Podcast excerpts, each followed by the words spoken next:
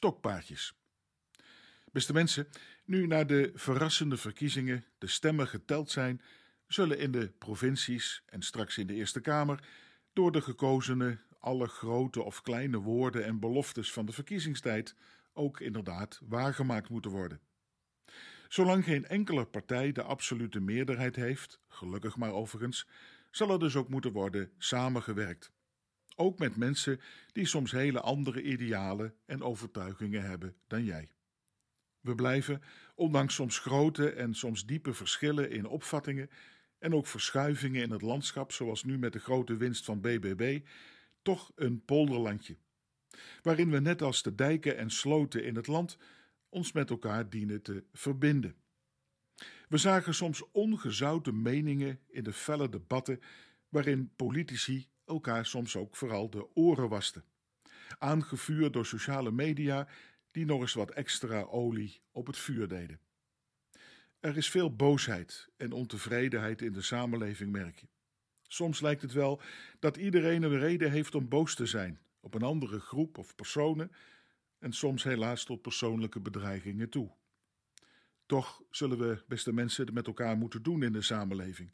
Het woord samenleving zegt het toch al? Ik moest daarbij denken aan een mooi en traditioneel Zeeuws gebruik, vooral op schouwen, met de mooie naam straw, strao volgens sommigen, dat zich in de afgelopen weken op de stranden van Zeeland afspeelde. Na de winter worden de stoere Zeeuwse trekpaarden van stal gehaald en voordat het nieuwe seizoen begint, lopen ze dan met elkaar door het zeewater. Een prachtig gezicht is het, om zo'n stoet van die imposant versierde paarden met van die ruig behaarde benen door de branding van de zee te zien lopen. De bedoeling is dan vooral om alle vuiligheid aan bacteriën, schimmels en ongerechtigheid dat zich in de winter heeft opgehoopt in de stal in de benen van de paarden, dat dat door het zeezout gereinigd wordt. Letterlijk worden dus de benen en de voeten gewassen van de paarden. Een bevriende plaatselijke predikant nam daarbij vaak een symbolisch houten stokpaardje mee, om aan te geven dat ook al onze stokpaardjes af en toe best wel eens een voetwassing zouden kunnen gebruiken.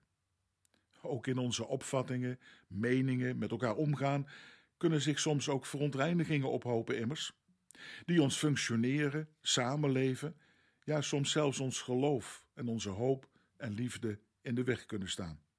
Een frisse wassing en de branding van de zee kan daarbij natuurlijk ook helpen om je hoofd en je hart weer eens even op te frissen. En misschien zou het ook een mooie start zijn voor de nieuw gekozen en zittende politici. Maar natuurlijk verwees dat stokpaardje ook naar dat indringende moment in het evangelie, in de aanloop naar Pasen, waar Jezus de voeten van zijn leerlingen waste. Als Jezus samen met zijn twaalf leerlingen aan tafel de maaltijd van brood en wijn gebruikt en dat samen met elkaar delen, maakte Jezus duidelijk wat ten diepste zijn missie is. Hij kwam in deze wereld om te dienen. En daar was hij zelfs bereid zijn leven te geven aan het kruis van Golgotha. Daarin zou hij Gods liefde tonen voor elk mens die daar gelovig voor open wil staan.